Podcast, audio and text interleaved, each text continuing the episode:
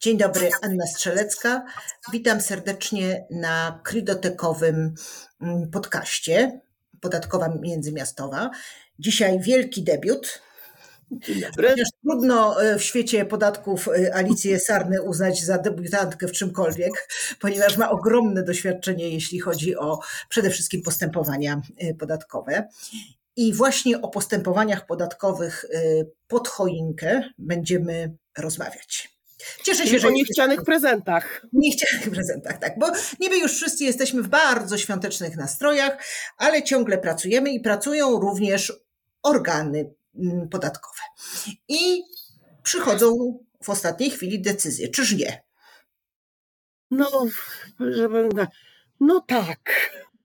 Tak, tak niestety właśnie jest. To znaczy, koniec roku nie tylko dla przedsiębiorców, nie tylko dla podatników jest gorącym okresem ale także oczywiście dla organów podatkowych, które, no, przepraszam za kolokwializm, wypychają e, sprawy, które e, mogą jeszcze zakończyć, które, w których e, możliwe jest wydanie decyzji, tak żeby no przed końcem roku mieć zakończonych jak najwięcej postępowań, wydanych jak najwięcej decyzji, które to decyzje, no właśnie, trzeba doręczyć podatnikom, tak?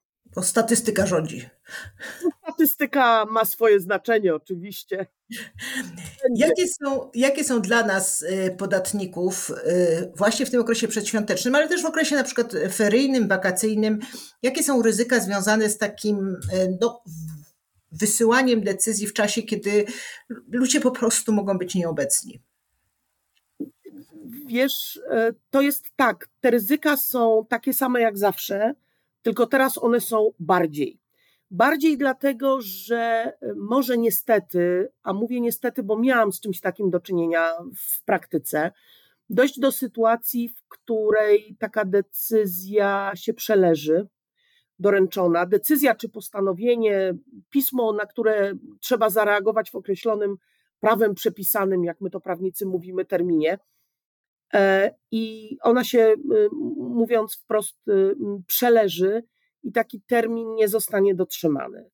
E, no więc y, ten, ten okres świąteczny, ten okres urlopowy, okres, okres feryjny, każdy okres, kiedy jest duża absencja e, w zespole księgowym, w zespole podatkowym, jest takim okresem podwyższonego ryzyka, gdzie rzeczywiście trzeba bardzo uwrażliwić się na kwestię obiegu dokumentów i pilnowania terminów. A widziałaś takie przypadki, że rzeczywiście w tym okresie przepadło coś?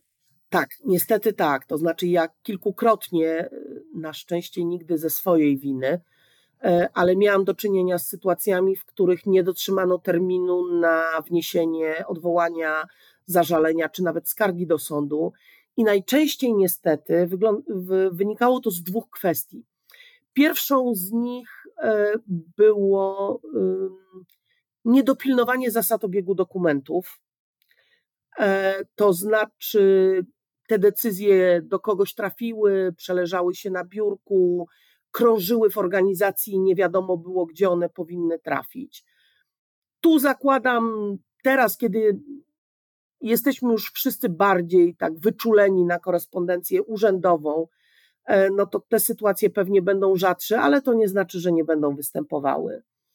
A druga kwestia, na którą chciałabym też zwrócić uwagę, to jest kwestia, powiem to takiego zastępowalności, ale rozumianej jako wyznaczenie zastępstwa. To znaczy, rzeczywiście e, miałam do czynienia z taką sytuacją, w której e, decyzja trafiła w dobrym terminie do dobrej osoby, tylko tej osoby nie było przez trzy tygodnie.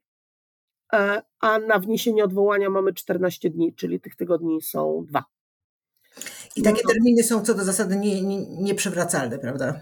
Znaczy, y, teoretycznie są przywracalne, ale jak wiesz, y, różnica w teorii nie ma różnicy między teorią a praktyką, a w praktyce jest i y, uzyskanie takiego rozstrzygnięcia o przywróceniu terminu wymaga wykazania tego, że mieliśmy do czynienia z sytuacją nadzwyczajną. Jakiekolwiek niedbalstwo ze strony podatnika, ze strony przedsiębiorcy, de facto uniemożliwi e, przywrócenie terminu, odzyskanie terminu do wniesienia odwołania. Stąd też na co dzień, ale no w takim okresie właśnie, jak powiedziałaś, świąteczno-końcoworoczno-feryjnym, mm, ta kwestia wprowadzenia dobrych procedur obiegu dokumentów jest w mojej ocenie kluczowa. No, jeden z moich pierwszych szefów mówił do mnie tak zawsze, Sarna, nawet najlepsza skarga czy najlepsze odwołanie nie przyniesie żadnego skutku, jak zostanie wniesione po terminie. Prawdopodobnie miał rację. Tak, powiedziałabym, że nawet tak. Aczkolwiek takie... nigdy mu tego nie powiem. Nie, nie, nie, już bez przesady z tą otwartością.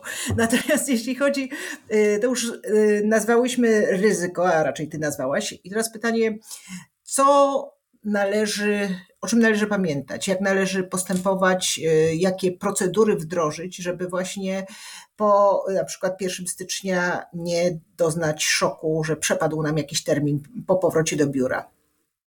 Wiesz co, to tu są dwie rzeczy, które są takie niezwykle istotne. E, to znaczy, pierwsza to jest e, wprowadzenie, wprowadzenie e, właśnie tych zasad obiegu dokumentów, tak? To znaczy, żeby było wiadomo, że jeżeli na recepcję wpływa, bo robiąc krok wstecz, musimy pamiętać, że wszystkie terminy podatkowe będą liczyły się od momentu, kiedy decyzja, kiedy pismo wpłynie do spółki, czyli kiedy wpłynie na recepcję. Mówię tu o decyzjach doręczanych papierowo, nie o decyzjach doręczanych przez ePUAP. Ale ten moment, kiedy decyzja pojawia się w organizacji, kiedy wpływa na recepcję, to już jest moment, od którego zaczynają biec terminy. Musimy zatem pamiętać o tym, żeby w organizacji e, wiadomo było, do kogo taka decyzja ma trafić i że ma tam trafić niezwłocznie. Po drugie, musimy bardzo pilnować tego, mm, żebyśmy mieli klarownie na dokumencie wskazaną datę, kiedy ten dokument wpłynął. Ja miałam w swojej sprawie, znaczy w swojej w sprawie, w której byłam pełnomocnikiem, taką sytuację, w której właśnie została przybita niewłaściwa pieczątka, co mogło kosztować mnie i mojego klienta bardzo dużo. Na szczęście, na szczęście nie kosztowało, ale ale te dwie rzeczy, czyli żeby było wiadomo, kiedy decyzja pojawiła się w organizacji i żeby ona niezwłocznie trafiła do właściwej osoby. A jeżeli na przykład, bo z takimi sytuacjami też mamy do czynienia, yy, organizacja mówi, w okresie świąt nie przyjmujemy korespondencji, bierzemy awizo, no to też musimy pamiętać, yy, że na odbiór przesyłki mamy 14 dni. Więc musimy wiedzieć, kiedy to awizo do nas wpłynęło i kiedy najpóźniej ten, ten dokument musi być odebrany z poczty, dlatego że w przypadku dokumentów tych właśnie papierowych, jak my to mówimy, analogowo e, e, przysyłanych, one są zwracane do nadawcy ze skutkiem tak, jakby były doręczone. Nie znamy treści pisma, nie wiemy, co do nas wpłynęło, a biegną nam terminy procesowe. Więc takie wpisanie do kalendarza terminu tu dostaliśmy awizo, tu musimy iść na pocztę. Albo wprowadzenie zasady, co widziałam też u wielu przedsiębiorców, że na przykład raz na tydzień jesteśmy na poczcie i odbieramy listy z danego tygodnia. E, no, taką z punktu widzenia człowieka takiego jak ja, zajmującego się postępowaniami podatkowymi, to jest bardzo dobra praktyka. Y, tu pozwolę sobie na taką wtrączkę, że musimy się umówić na podobną rozmowę, y, kiedy wejdą y, przepisy o e-doręczeniach. Tak. Właśnie obiecałaś. Ale tak, Złożyłam przyrzeczenie publiczne. Zrobimy to. Ale wracając do, do naszego tematu. Powiedzmy, że wszystko zagrało. Czyli dostaliśmy recepcję, zachowała się prawidłowo, przyniosła tą, tę decyzję osobie, która zastępuje naszego y, pełnomocnika. Y, ta osoba, która zastępuje, jest człowiekiem pracowitym, dotrzymuje terminu i chce złożyć to odwołanie. O czym tutaj trzeba pamiętać? Znaczy, po pierwsze, żeby dobrze policzyć termin. Ja wiem, że to jest truizm ale już sobie mówiliśmy, tak, żadne pismo po terminie nie przyniesie skutku, czyli dzień, w którym wpłynęło pismo jest dniem zero, a potem liczymy sobie... Na palcach, tak. Kiedyś, przepraszam, pozwolę sobie na uwagę, kiedyś znajoma z wykształceniem, też doradczyni podatkowa z wykształceniem ekonomicznym spytała mnie, a dlaczego wy prawnicy tak liczycie to na palcach? Bo nigdy nie wiesz. Słuchaj, najważniejsza umiejętność człowieka zajmującego się tak zwanym litigation to jest liczenie do 7, 14 i 30. Zresztą damy sobie radę. Natomiast, y, natomiast jakby, wiesz, dwie rzeczy. Pierwsza, żeby dochować terminu, jeżeli jest to okres świąteczny i nie mamy czasu na to, żeby przygotować to odwołanie, bo na skargę jest 30 dni, to jest jednak trochę dłużej, ale mówię o zażaleniu 7 dni, odwołanie 14 dni, no doręczone teraz, zaraz na początku e, stycznia będzie miało termin, e, no to musimy pamiętać o dwóch rzeczach, żeby właśnie dochować terminu, tak jak powiedziałam, i tu wystarczy, że złożymy tak zwany zaczep, wiesz, kadłubkowe, byle tam te wymogi formalne było napisane, a potem można je uzupełnić. Mm, a druga rzecz, o której musimy pamiętać, to to, żeby był ktoś, kto może to podpisać. Czy też będzie, czy to będą osoby z zarządu upoważnione do reprezentacji zgodnie z KRS-em, czy też dostaniemy pełnomocnictwo, tak? Będziemy mogli złożyć. No, w ostateczności mm, można wysłać y, takie pismo nie pod, znaczy podpisane bez załączonego pełnomocnictwa, to jest brak formalny, do którego uzupełnienia organy podatkowe muszą nas wezwać, więc y, i tu, i tu sytuacja nie jest beznadziejna, ale jeżeli można temu zapobiec, no to oczywiście lepiej jest takie pismo, takie pełnomocnictwo, przepraszam, y, zabezpieczyć. A że zapytam y, z automatu, jaka forma tego pełnomocnictwa? Przy sprawach podatkowych druczek PPS-1. Rozumiem. Rozumiem. Nie, nie lubię wypełniania druczku PPS-1. Druczku, druczka. Nigdy nie pamiętam. PPS-1. Nie mhm. lubię. I jeszcze jedno pytanie, bo powiedziałeś coś takiego. Wystarczy, y, jak to ładnie określiłaś, kadłubkowe pismo.